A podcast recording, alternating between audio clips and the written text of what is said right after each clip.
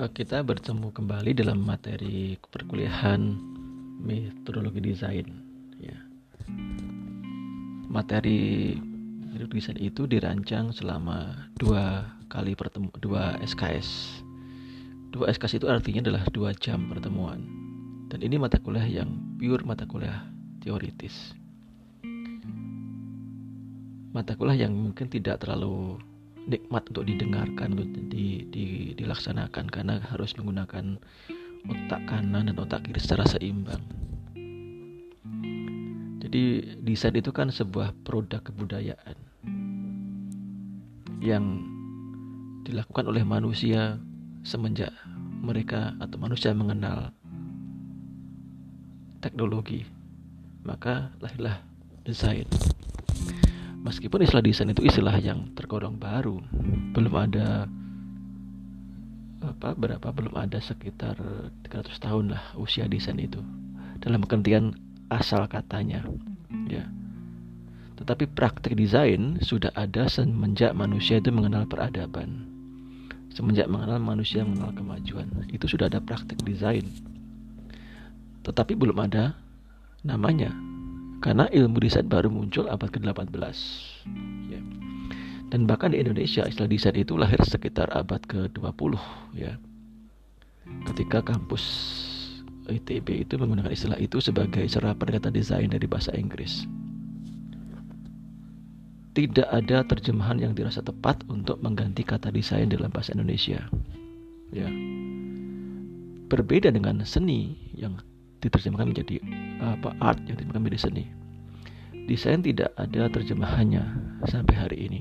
Walaupun pada awalnya tahun-tahun 60-an orang menggunakan perancangan. Perancangan itu dianggap sebagai pengindonesiaan dari istilah desain.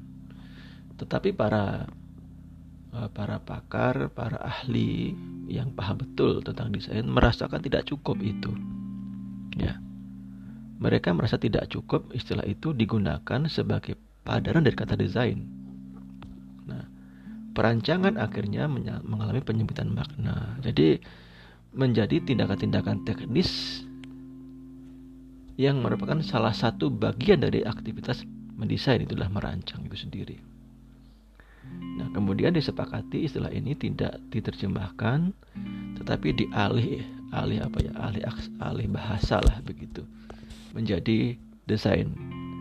Bisa ditulis dengan D I S A I N atau pakai E desain D E A D E S A I N bisa seperti itu.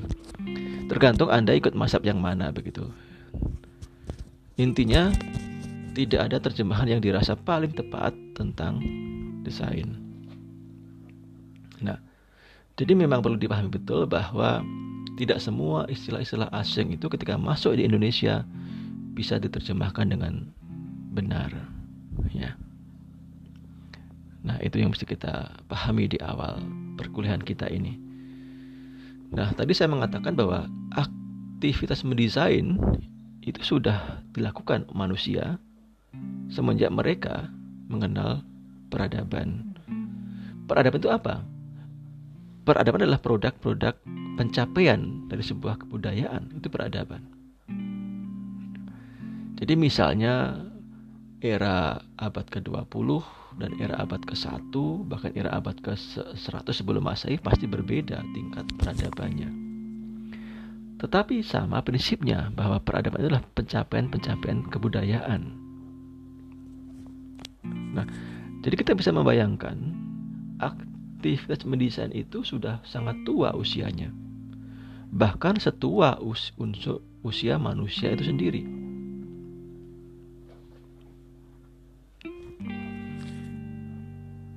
Jadi seperti itu. Mendesain itu aktu sangat tua. Bahkan lebih tua daripada aktivitas kesenian. Ambil contoh sebagai analogi seperti ini. Misalnya ketika Adam dan Hawa itu diusir dari surga. Bagi Anda yang penganut agama Abrahamik pasti mengenal kisah ini ya. Di mana Adam dan Hawa itu adalah uh, dua sosok yang sangat terpilih, sangat terpilih yang dahulunya tinggal di surga di tempat yang sangat indah yang serba ada itu dalam persepsi manusia seperti itu. Kemudian ada persoalan-persoalan di sana dan akhirnya mereka berdua di, tepatnya dihukum atau diperintahkan untuk tinggal di dunia ini. Nah, Anda bisa bayangkan kalau kita dalam kacamata uh, intelektualitas ya, ketika Adam dan Hawa itu datang ke dunia ini dia tidak membawa apa-apa. Bahkan dia tidak berpakaian. Nah, kita bisa berpikir seperti ini sebagai analogi saja ya sebetulnya. Kira-kira apa yang Adam dan Hawa lakukan pertama kali ketika dia tiba di dunia ini? Apa yang dia perbuat pertama kali? Dari awalnya serba ada di surga yang serba indah, serba terpenuhi. Tinggal bilang, ya Tuhan, ya Allah, saya ingin ini. Kun fayakun jadi. Datanglah yang diinginkan itu. Saya ingin ini, datanglah itu. Tanpa dia membuat sesuatu itu di surga. Nah, ketika beliau berdua datang ke dunia tidak membawa apa-apa. Dia tidak bisa bilang, "Ya Allah, ya Tuhan, saya ingin buah misalkan, durian misalnya." Tidak serta merta durian itu datang di hadapan di hadapannya. Terus mencari itu. Mencari buah-buah itu, mencari itu yang diinginkan, inginkan tadi. Jadi apa yang dia lakukan pertama kali? Adalah membuat sebuah solusi dari sebuah persoalan.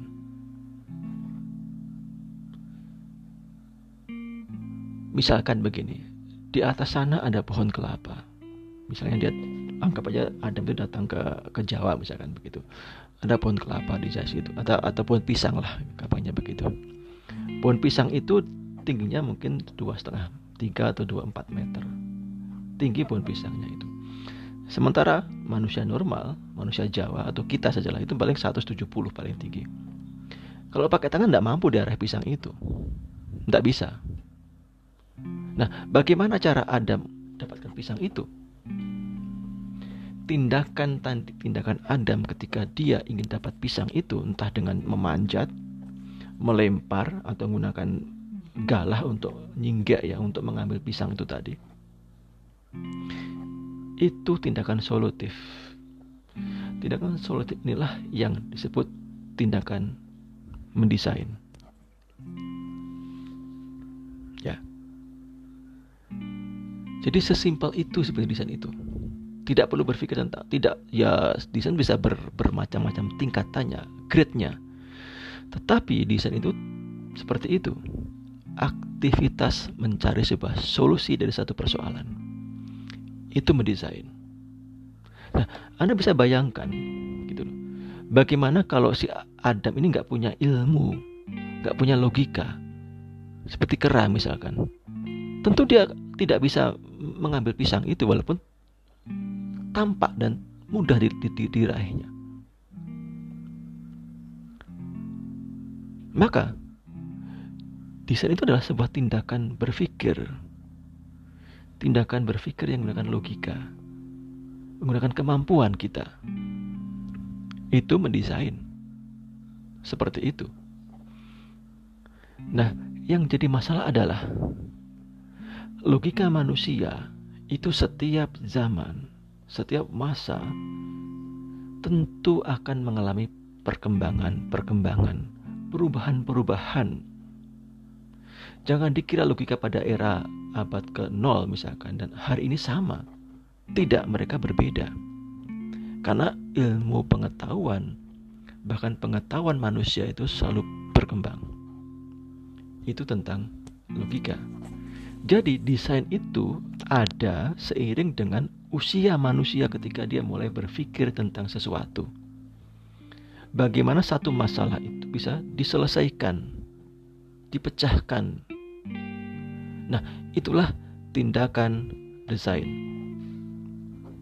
Nah, kenapa saya sampai saya gunakan analogi Adam Hawa tadi? Agar kita paham betul bahwa desain itu hadir ketika manusia mendapat persoalan.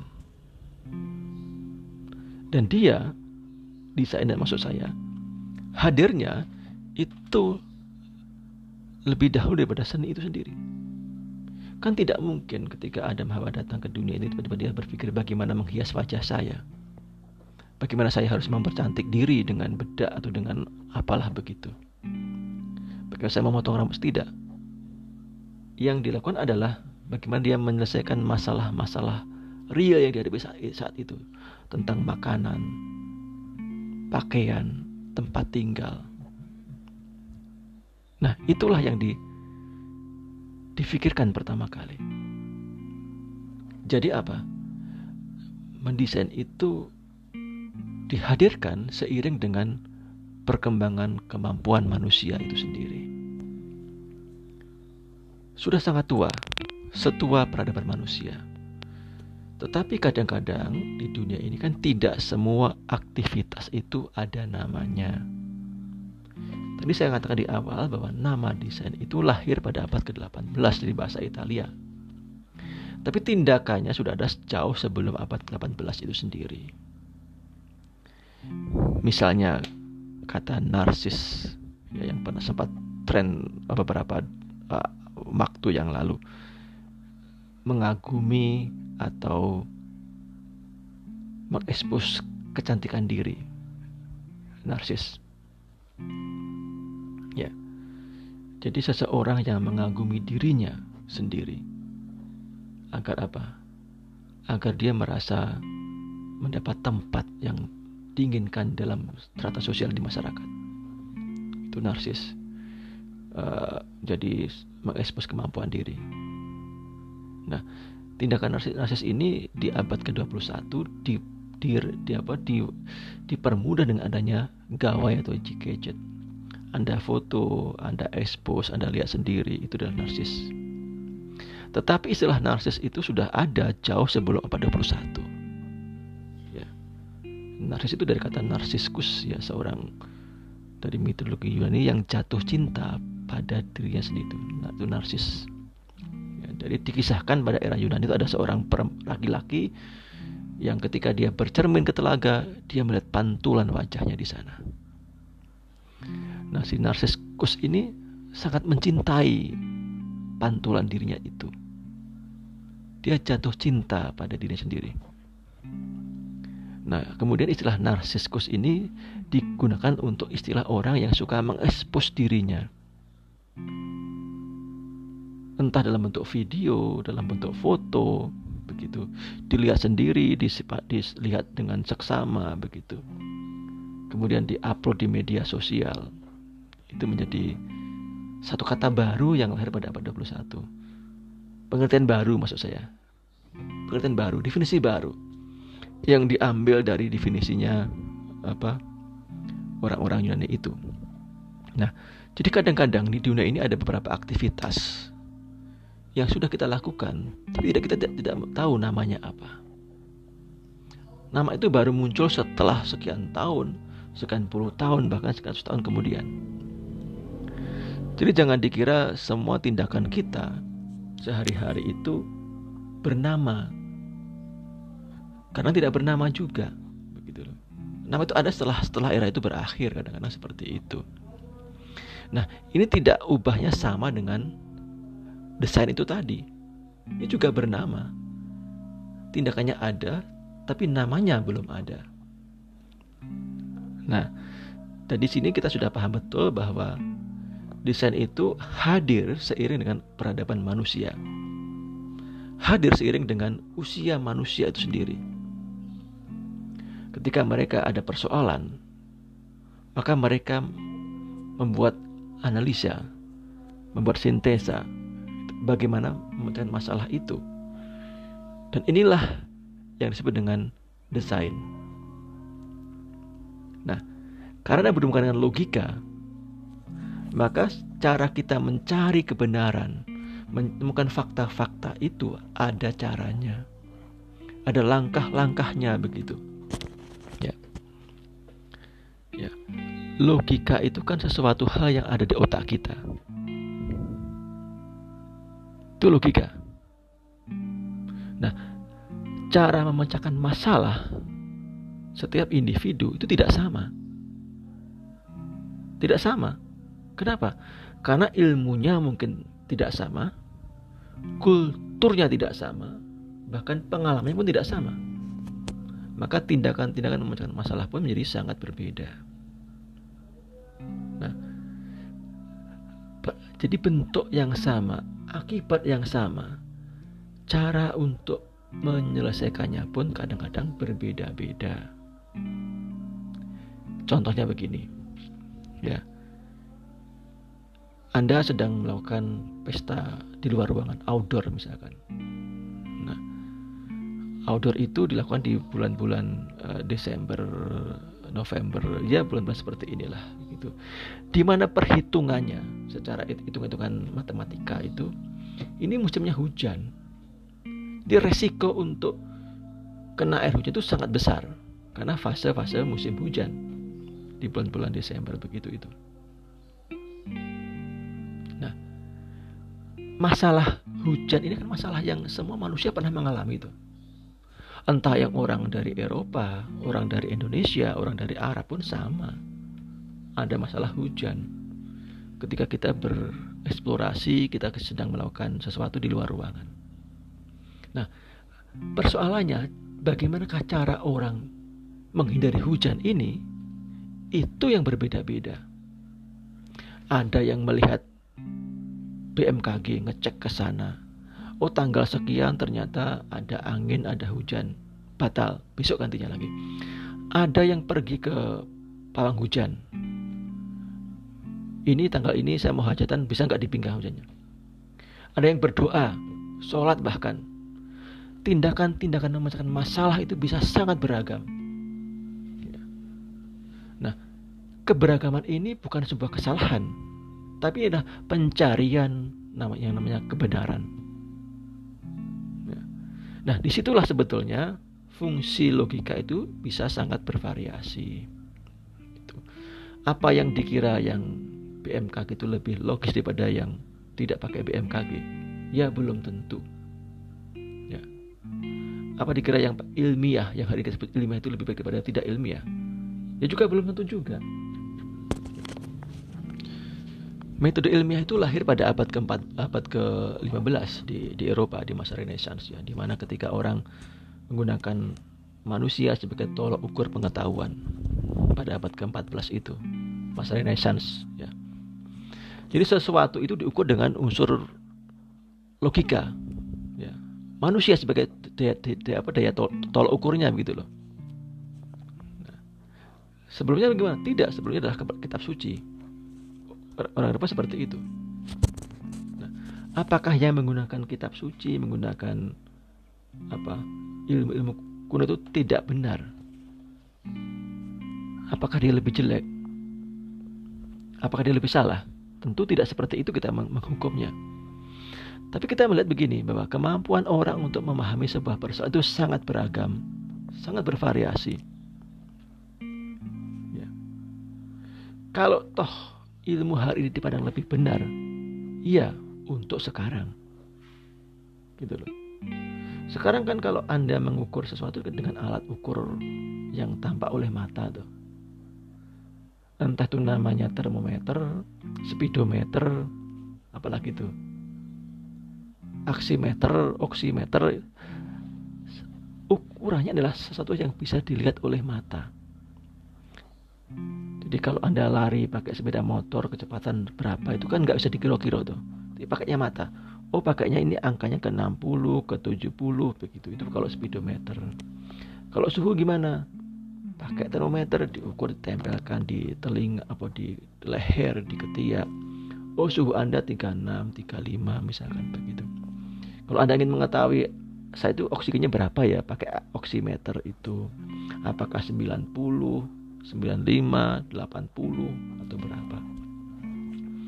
Jadi para parameternya adalah angka-angka yang terlihat secara fisik. Itu pada hari ini. Tapi pada zaman-zaman abad ke-10, ke-9, apakah pakai itu?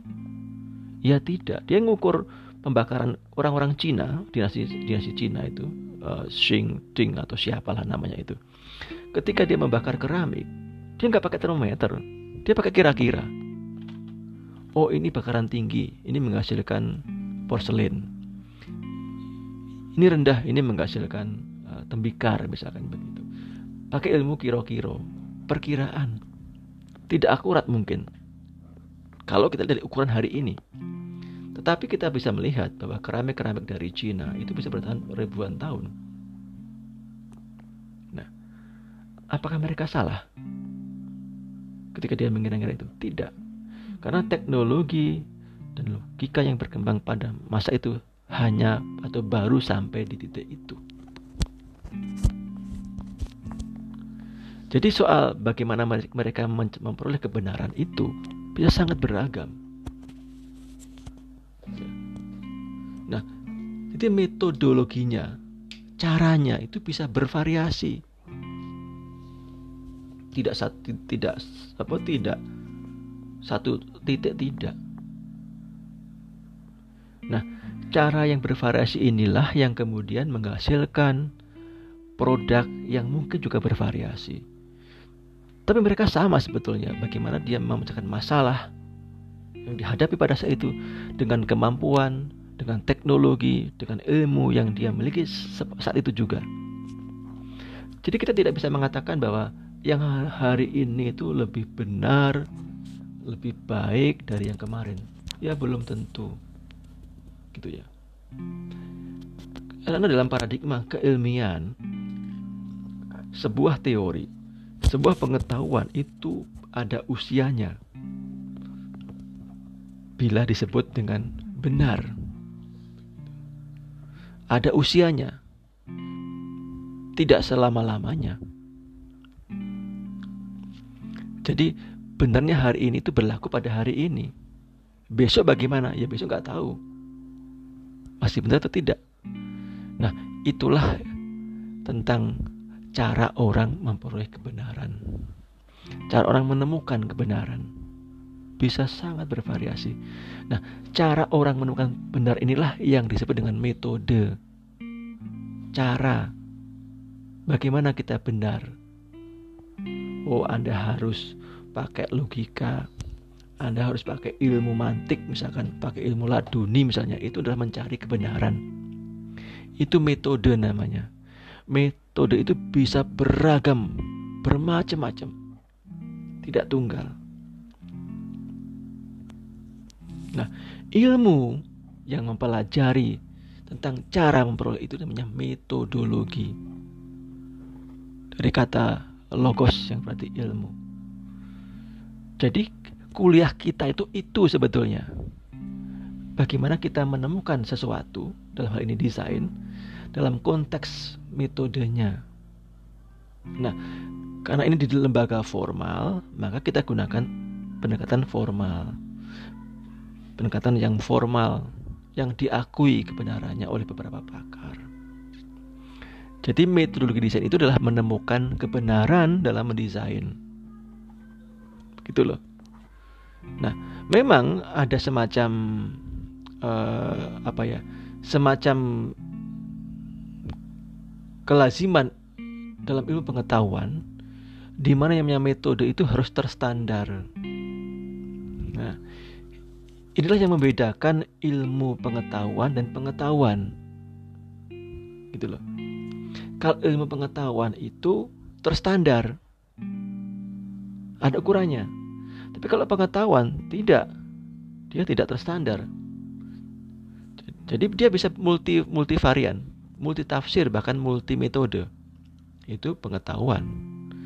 Misalkan pengetahuan tentang kalau di Islam ya misalkan zat Allah misalkan begitu. Ini kan tidak tersandar.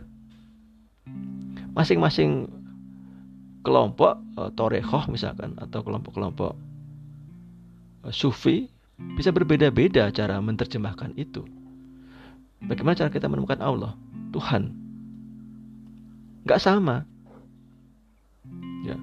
Torekot Daskobandia, Torekot Sataria, beda cara metodologinya. Itu Torekot apalagi, bisa beda-beda. Apakah mereka salah? Mereka nggak salah. Mereka berjalan pada rel yang diyakininya. Itu pengetahuan. Kita nggak boleh menyalahkan. Oh cara kamu salah. Nggak bisa itu pengetahuan. Kalau ilmu pengetahuan tidak. Ilmu itu ketika sebuah pengetahuan itu disusun, disusun, kemudian di, disatukan menjadi sains atau ilmu pengetahuan. Jadi ada standarisasinya.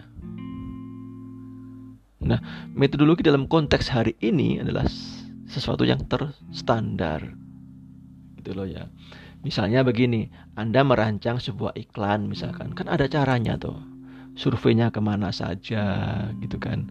Terus Anda mesti ketemu siapa, apa yang kamu tanyakan, pakai teorinya siapa, itu terstandar semuanya. Kenapa begitu? Ya karena agar memudahkan orang untuk membuat asesmen atau evaluasi. Nah, karena salah satu semangat dari ilmu pengetahuan adalah membuat standarisasi. Itu semangatnya. Karena ilmu pengetahuan itu lahir seiring dengan masa Renaissance di Barat. Abad ke berapa tadi? Abad ke 15 ya di Italia Florencia, Italia. Nah, semangatnya adalah menemukan kebenaran secara tunggal yang berpusat pada pengetahuan manusia. Nah, memang mau tidak mau namanya ilmu pengetahuan itu cenderung sekuler atau melepas dari unsur agama itu tidak kita nggak bisa pungkiri ya karena ilmu ini lahir pada era-era itu, di mana orang-orang Eropa merasa agama sebagai penghalang untuk menemukan kebenaran dalam sains.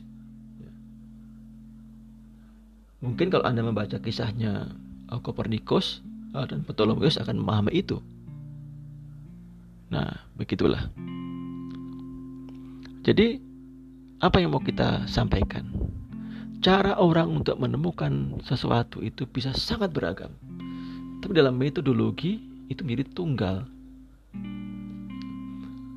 Tadi saya mengatakan di Eropa di masa Renaissance itu ada semangat di mana sesuatu itu harus harus tunggal termasuk kebenaran.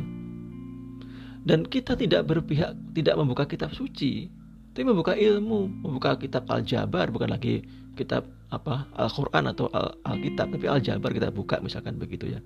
Matematika sebagai dasar. Mau tidak mau, inilah awal muasal dari namanya modernisme dalam desain. Salah satu ciri dari manusia modern adalah ketika dia berpikir sekuler. Pasti ke situ larinya. Nah, termasuk dalam hal mendesain. Ya. Desain itu adalah sesuatu yang sekuler. Kadang-kadang seperti itu. Asal usulnya begitu ketika di Eropa sana. Maka Anda bisa melihat gaya ya, gaya neogotik, gaya gotik dan gaya Bauhaus itu beda-beda. Kalau gotik, neogotik, barok, rokoko itu gaya-gaya sebelum Renaissance. Ya. Tapi setelah itu muncul gaya neo lagi. Kemudian muncul gaya yang paling ekstrim misalkan gaya Bauhaus, gaya Reif, gaya Kerian dan gaya-gaya anime misalkan. Itu lebih lebih dulu lagi. Intinya seperti itulah bahwa ilmu desain itu ilmu yang menggunakan tolok ukur modernisme sebagai cara untuk menemukan kebenaran. Ya. Makanya ilmunya disebut dengan namanya metodologi. Artinya menemukan kebenaran mendesain dari sudut pandang ilmu pengetahuan. Pengetahuan yang modern, yang terstandar, yang bisa dievaluasi, bisa dikaji ulang dengan kritis. Nah, itulah pengantar awal saya tentang kuliah metodologi desain. Nanti kita bisa bersambung lagi bertemu di apa di bagian kedua. Bagian pertama ini eh, kira itu bisa Anda cermati, bila Anda tidak jelas bisa langsung menghubungi saya. Terima kasih. Assalamualaikum warahmatullahi wabarakatuh.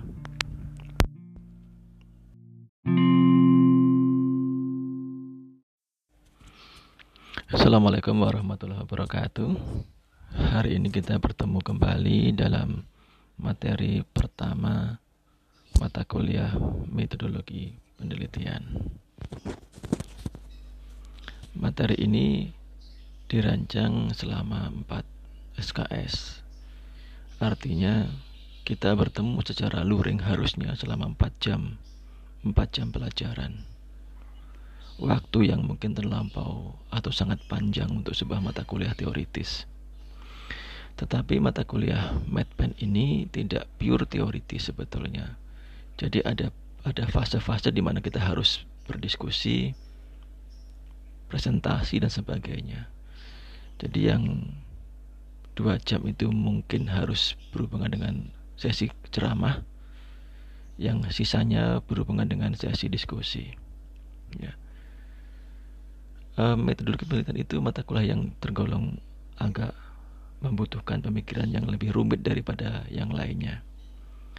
Karena biasanya mahasiswa-mahasiswa yang berkecimpung dalam bidang ilmu sosial termasuk ilmu kesenian, ilmu desain, itu kadang-kadang tidak terlampau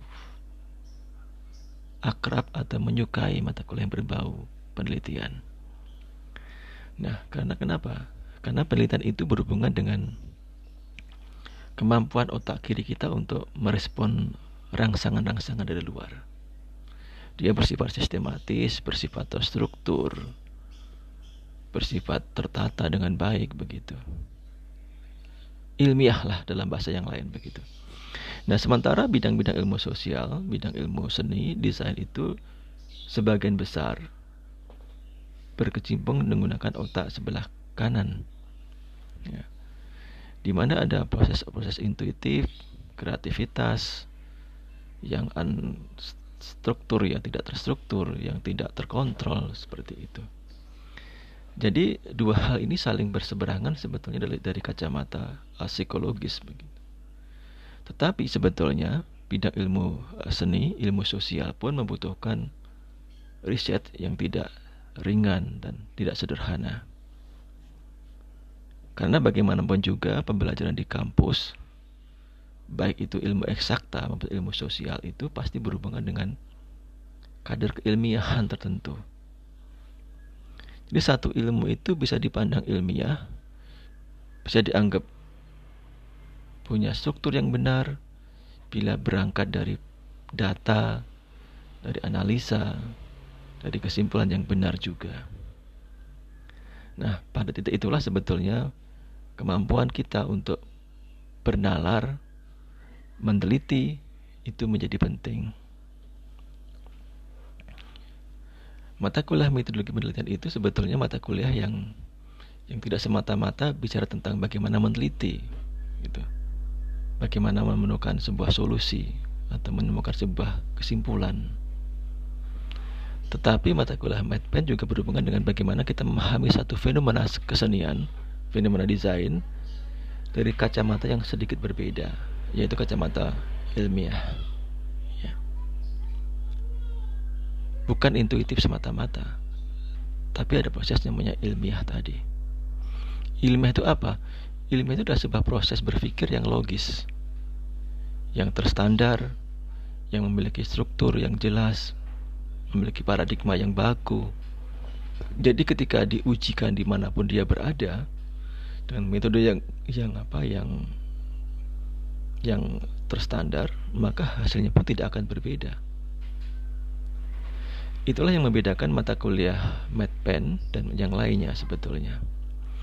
Jadi dalam kacamata keilmuan, ilmu itu ada dua kutub besar dalam keilmuan di, di dunia ini. Ada kutub yang paling ujung sebelah kanan. Itu ilmu matematika. Ilmu yang sangat terukur. Sangat bebas nilai. Ya. Artinya bebas nilai itu di mana pun dia berada, pada situasi apa pun, dia tidak akan berubah. Jadi Anda menyumbulkan dua ditambah dua, misalnya, dalam kondisi Anda sedang sedih, sedang bergembira, sedang banyak hutang, sedang banyak rezeki, tidak berubah hasil tetap empat. Gitu.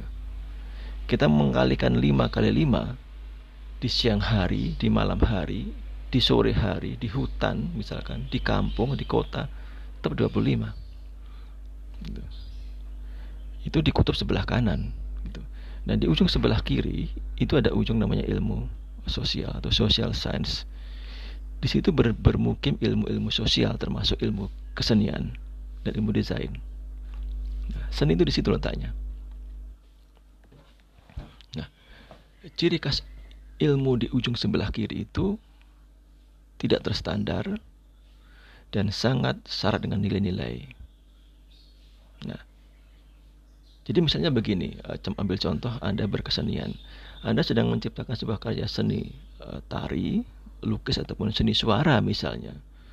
Ketika hati Anda tidak tidak pas, sedang Anda sedang sedih, sedang bergembira, sedang galau misalkan, atau sedang banyak persoalan, pasti hasilnya tidak sama. Pasti berbeda-beda. Nah, indahnya di sudut ini, keindahan itu juga berbeda-beda indahnya versi orang Jawa, versi orang Arab, versi orang Amerika bisa berbeda-beda. Itu ilmu-ilmu sebelah kiri. Nah, posisi kesenian kita, ilmu kita itu sebelah kiri itu.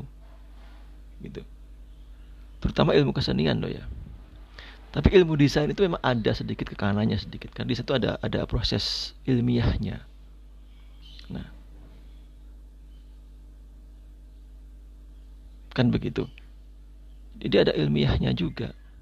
Jadi kalau kita memberikan Anda mata pelajaran atau mata kuliah metodologi penelitian, karena memang desain itu juga butuh riset, butuh penelitian, tidak serta-merta menjadi. Nah, sebetulnya di, di dunia ini ada tren ke arah sana bahwa sesuatu itu ada percampuran-percampuran, ada mix keilmuan. Jadi yang dulu ilmu eksakta itu sangat sendirian. Seni itu sendirian begitu. Tiba-tiba di abad 20 pertengahan abad 20 itu mulai coba di disenyawakan, digabungkan begitu. Ternyata muncul ilmu-ilmu baru yang memang penggabungan dari dua hal tadi. Semakin ke sini, semakin ke sini, semakin terasa bahwa cara pandang orang tentang keilmuan itu sudah berbeda. Gitu loh yang dulu sangat sektoral gitu loh. Jadi orang matematika tidak mau melihat tentang kesenian. Orang seni tidak mau bicara tentang fisika dan sebagainya. Mereka sangat sektoral yang sangat kuat. Tetapi di abad ke-21 itu semakin mencair. Ya. Kenapa demikian? Karena terjadi intersection cross cross ilmu itu ada jadi orang-orang matematika pun sekarang sudah mulai berpikir bagaimana menggunakan seni sebagai salah satu medianya. Gitu. Orang-orang seni pun juga mulai menggunakan fisika, kimia, bahkan matematika untuk eksplorasi uh, kreativitas mereka. Itu yang sekarang terjadi di sekitar kita. Gitu Jadi hari ini Anda masuk dalam generasi yang mix tadi.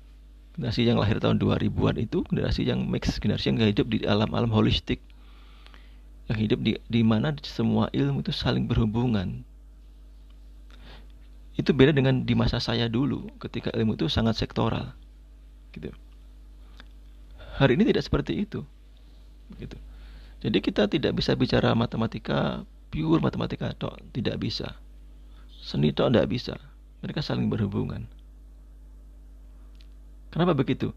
Karena ada tren dalam keilmuan di, di, di dunia ini bahwa manusia itu makhluk yang sangat dinamis. Ya. Makhluk yang sangat fungsional. Makhluk simbolis juga. Jadi fungsi manusia itu banyak sebetulnya. Sebagai makhluk makhluk fungsional maka dia tentu berpikir secara matematika. Gitu. Tapi sebagai makhluk simbolis dia berpikir secara kesentik, secara kesenian, maaf, secara kesenian, secara desain, secara simbol, secara kultural. Gitu. Jadi tinggal tinggal kita di posisi mana kita berada. Nah, kenapa saya mulai dari paradigma keilmuan? Agar kita paham betul bahwa kenapa mata kuliah ini ada. Gitu. Dalam paradigma keilmuan di, di dunia ini sebetulnya hari ini itu tidak ada lagi sekat-sekat yang yang sangat kuat seperti pada masa-masa abad ke-20 awal begitu. Nah, jadi sangat wajar ketika mahasiswa kedokteran misalkan belajar tentang Renaissance di Eropa. Gitu ya. Nah, orang-orang di uh, desain itu mulai belajar tentang atau mempelajari tentang fisika kuantum misalnya. Ini bukan hal yang aneh hari hari ini. Apalagi kalau Anda masuk ke era new media, sangat terasa itu mixnya. Gitu. Di mana misalkan fraktal, konsep fraktal yang dari fisika misalkan, itu bisa menjadi salah satu ide dalam seni pembatikan misalnya. Ya. Jadi menciptakan pola-pola batik itu tidak hanya dengan intuitif, dengan kreativitas manusia, tapi juga bisa diwakilkan dengan mesin namanya mesin. Kan dengan ilmu-ilmu yang lain. Kalau Anda pernah membaca batik fraktal mungkin akan mengetahui itu. Di mana motif itu bisa diulang, bisa dibentuk dengan hanya mengubah kode kodifikasi dalam sebuah dalam satu sistem uh, posisi biner. Ya. Kalau kita bicara tentang sistem komput komputasi, komputerisasi itu sebetulnya kan hanya bermain dengan angka-angka biner tuh, angka 0 dan 1 pemaduan 0, 1, 1, 0, 0, 1 ini menghasilkan pola-pola. Menghasilkan kode-kode. Kode-kode ini akan ditransmisikan dalam bentuk-bentuk tertentu. Bisa bentuk-bentuk suara, bisa bentuk apa namanya warna, bisa bentuk-bentuk aktivitas gitu. Atau bentuk-bentuk yang lain. Nah, pengubahan kode-kode ini bisa memberikan pola-pola yang berulang. Begitulah. Nah, konsep inilah yang kemudian dijadikan basic teori, basic basic ilmuwan untuk menciptakan batik yang fraktal tadi. Jadi ornamentasi itu bisa dibentuk dengan mengubah susunan ini tadi.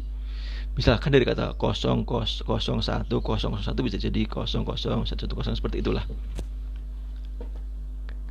Jadi bisa berubah gitu loh. Artinya begini, seperti hanya DNA manusia lah gitu loh.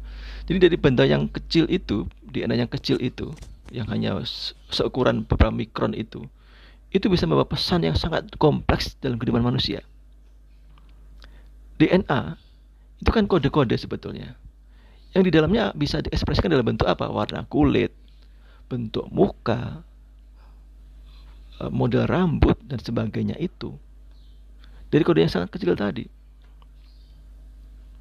Ya, Anda bisa bayangkan DNA manusia berapa kecilnya. Lebih kecil daripada rambut gitu. Tapi dia bisa memuat banyak kode di situ itu. Kode-kode inilah yang kemudian diubah, direkayasa menjadi bentuk-bentuk yang diinginkan oleh manusia. Gitu. Kan ini sebetulnya tujuan ilmu yang yang sekarang itu kan mencoba merekayasa ini. Nah, konsep ini sebenarnya sama dengan konsep di komputer. Gitu. Kita kita mengubah kode-kode kode-kode di situ, kode-kode oposisi kode-kode binaritasnya. Maka sistemnya juga akan berubah juga. Gitu akan menghasilkan bentuk yang berbeda juga. Gitu. Nah konsep inilah yang kemudian diterapkan dalam kesenian, dalam desain gitu loh. Kalau saya mengubah kode ini gimana bentuknya ya hasilnya seperti apa. Nah dalam desain itu namanya mungkin ada pernah mendengar namanya uh, chaos control. Jadi kontrol yang dikendalikan gitu. Itu salah satu dari dari kayak desain yang muncul pada abad ke-21 itu chaos control selain gaya punk, gaya rave, gaya kerian, gaya gaya game apa anime gitu itu muncul kayak cash control. Jadi seakan-akan dia tidak tidak teratur gitu loh. Seperti hanya ketika anda bermain objek dengan Photoshop atau dengan ya, Photoshop aja Photoshop atau AI lah misalkan. Itu kan bisa bentuk-bentuk yang sangat rumit yang seakan-akan itu tidak terkontrol. Padahal kita tahu bahwa di Photoshop itu kan itu ada beberapa tumbuhkan layar dari layar 1, 2, 3 sampai enggak terhingga. Nah, masing-masing layar ini ada perintah-perintahnya. Ada kode-kodenya. Kita mengubah kode di layar itu, maka mengubah bentuk di monitor. Kan begitu. Jadi sebetulnya yang tampak rumit, yang tampak tidak terstruktur itu sebenarnya ada ada strukturnya. Ada pola-polanya. Nah, itulah yang sebetulnya disebut dengan chaos control itu. Jadi kenapa akhirnya seni itu melirik ilmu fisika, ilmu informatika misalkan? Karena mereka bisa melihat kolaborasi ini, gitu loh. Ini dampak-dampak kesenian, dampak desain itu bisa di, di, dipengaruhi, bisa di bahkan bisa di apa? Bisa dimodifikasi dengan mengubah kode, kode kodifikasinya.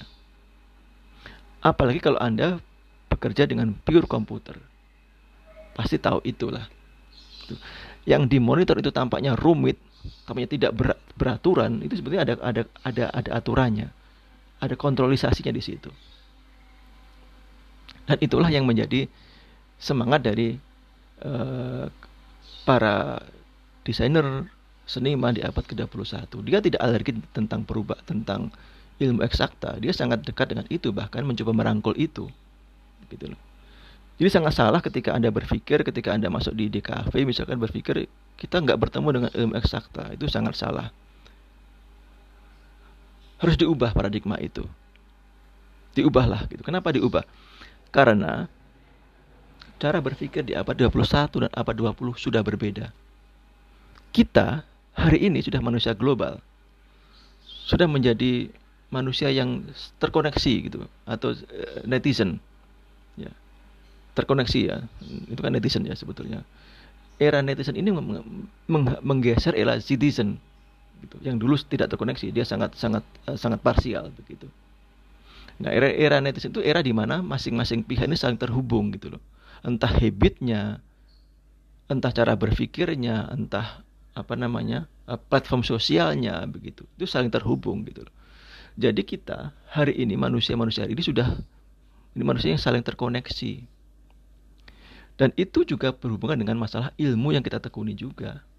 DKV itu tidak sendirian. Dalam desain itu ada ilmu komunikasi, ada ilmu sejarah, ada ilmu semiotika gitu.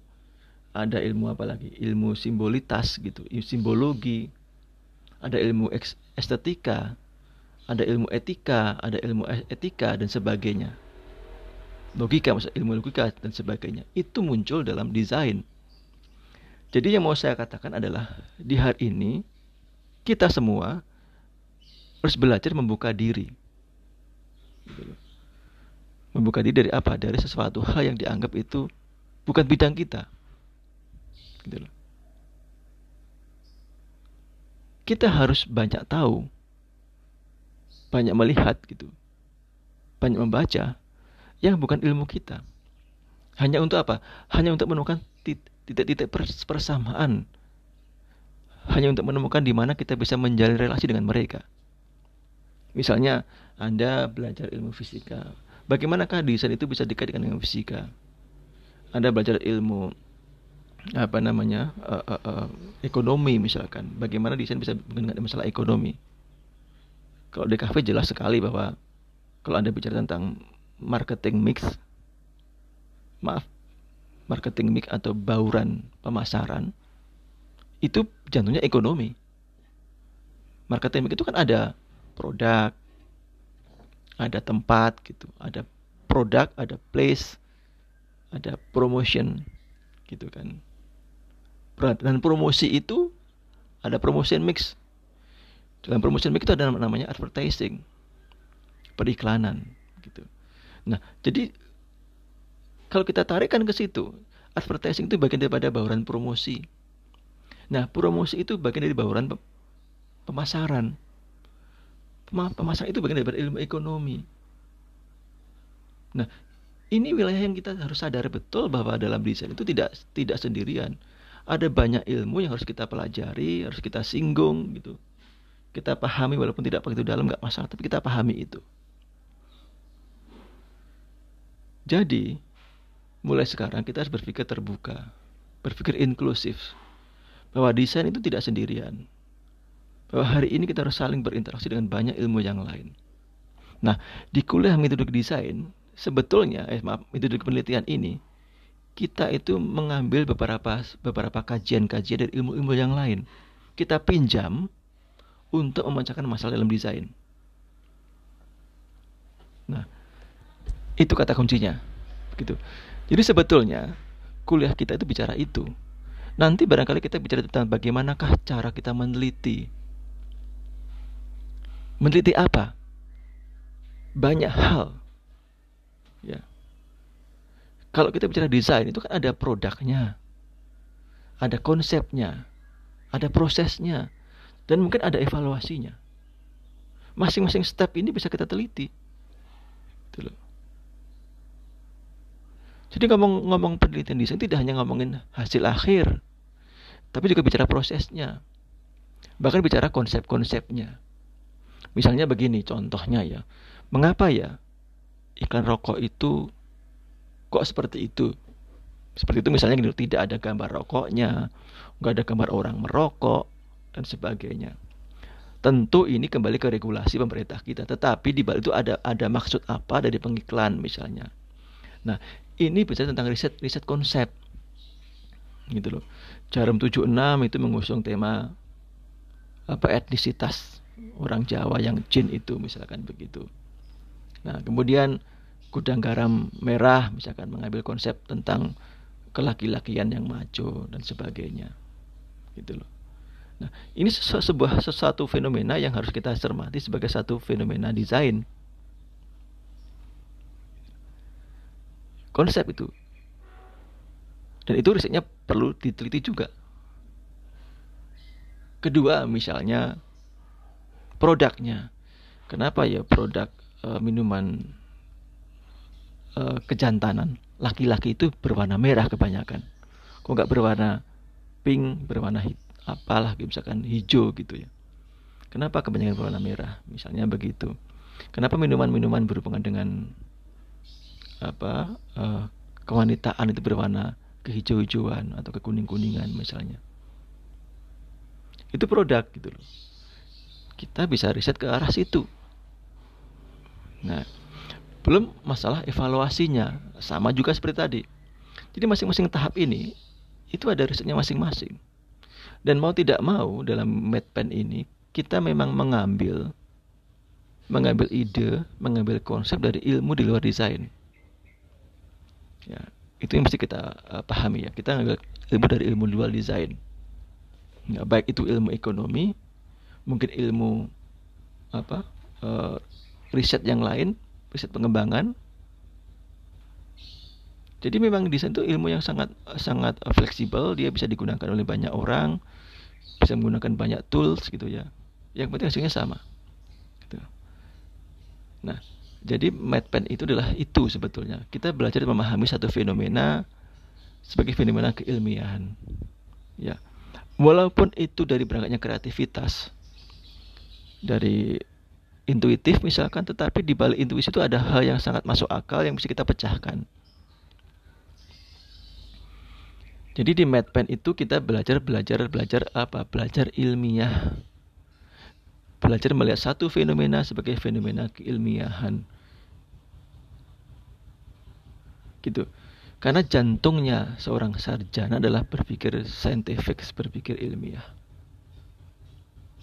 Sebagai salah satu tolok ukur mereka untuk melihat satu fenomena. Gitu. Jadi anda tetap diwajibkan melihat saat apa pun itulah.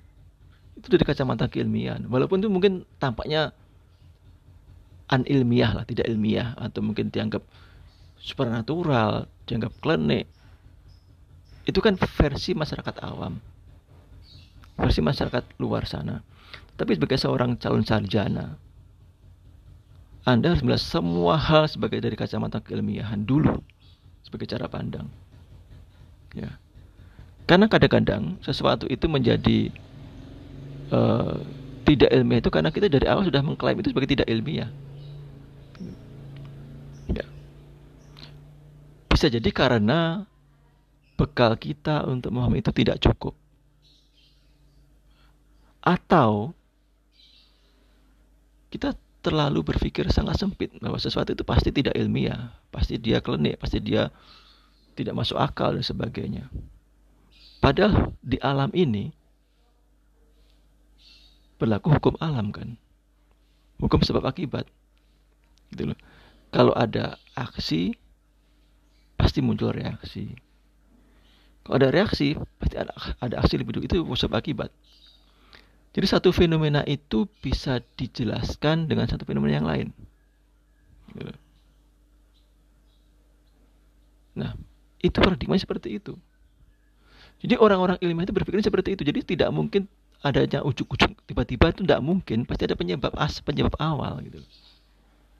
Makanya kenapa para pakar geologi mem, apa namanya mencoba berpikir bagaimanakah asal muasal bumi misalkan gitu. Nah mereka melakukan riset tentang itu. Enggak hanya bumi gitu loh. Pakar-pakar biologi juga berpikir kira-kira manusia pertama dulu siapa ya? Bagaimana bentuknya? Terlepas dari mereka yakin agama apa, tapi dia mencari jawaban untuk itu. Kenapa dia berpikir begitu?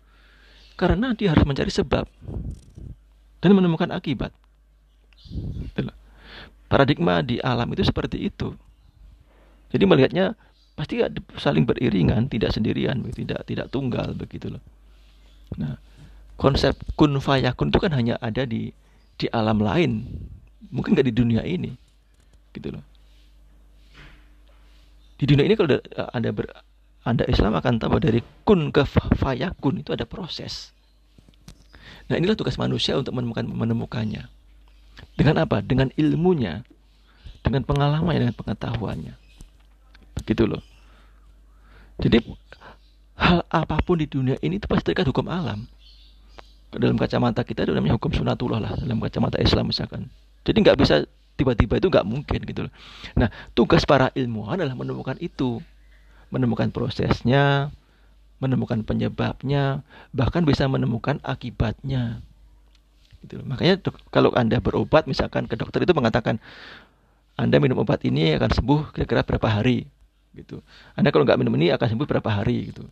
Kenapa dia bisa bilang uh, seperti itu? Karena dia bisa memiliki ilmu untuk memprediksi. Dari apa? Dari pengalaman dan pengetahuannya. Nah, manusia itu adalah salah satu makhluk di dunia ini. Mungkin satu-satunya makhluk di dunia ini ya. Karena selain manusia itu ada hewan dan tumbuhan yang bisa menciptakan mencip, bisa menciptakan akibat yang diinginkannya dengan mempengaruhi sebab yang yang terjadi. Itu manusia begitu loh. Makhluk lain nggak bisa gitu loh. Jadi Anda bisa memperkirakan nanti kalau saya ubah sebabnya begini, maka hasilnya akan seperti itu. Jadi kita bisa memperkirakan akibat dengan mempengaruhi penyebab. Nah, inilah pentingnya riset. Pentingnya penelitian itu di situ. Gitu loh. Dalam kacamata ilmiah seperti itu. Jadi Anda nanti bisa mengatakan iklan saya ini akan laku bila seperti ini. Kenapa? Karena ada pertimbangan segmentasi, pertimbangan positioning, pertimbangan targeting dan sebagainya itu. Nah, itulah yang mau kita sampaikan di kuliah saya tentang metodologi penelitian itu. Jadi di awal ini saya membangun persepsi dulu kepada kita semua bahwa dalam perkuliahan itu sebetulnya bagaimana kita mengkaitkan satu fenomena teoritis itu ke fenomena faktual di lapangan. Jadi nanti Anda bisa menggunakan ilmu yang Anda miliki di kampus ini untuk memecahkan solusi di masyarakat yang nyata. Ya. Jadi ilmu ini tidak terpisah, saling berkaitan. Cuman kadang-kadang kita belum menemukan fungsinya kalau belum menemukan masalahnya. Gitu loh. Jadi kadang-kadang ilmu itu begitu. Gitu loh. Anda belajar ini untuk apa ya kira-kira? Nah, kalau nanti Anda sudah masuk ke masyarakat, sudah terjun ke dunia industri itu, sudah bikin apalah yang real di masyarakat, Anda akan menemukan fungsinya di situ itu. Nah, dari di awal mungkin begitu yang yang bisa saya sampaikan ya. Ini untuk membangun persepsi dulu tentang uh, pen yang kita mau jalankan selama enam kali pertemuan. Nanti beberapa materi akan saya masukkan dalam podcast saya, jadi Anda bisa mendengarkan di mana pun Anda berada. Saya kira itu untuk hari ini. Kita bertemu lagi untuk sesi berikutnya. Assalamualaikum warahmatullahi wabarakatuh.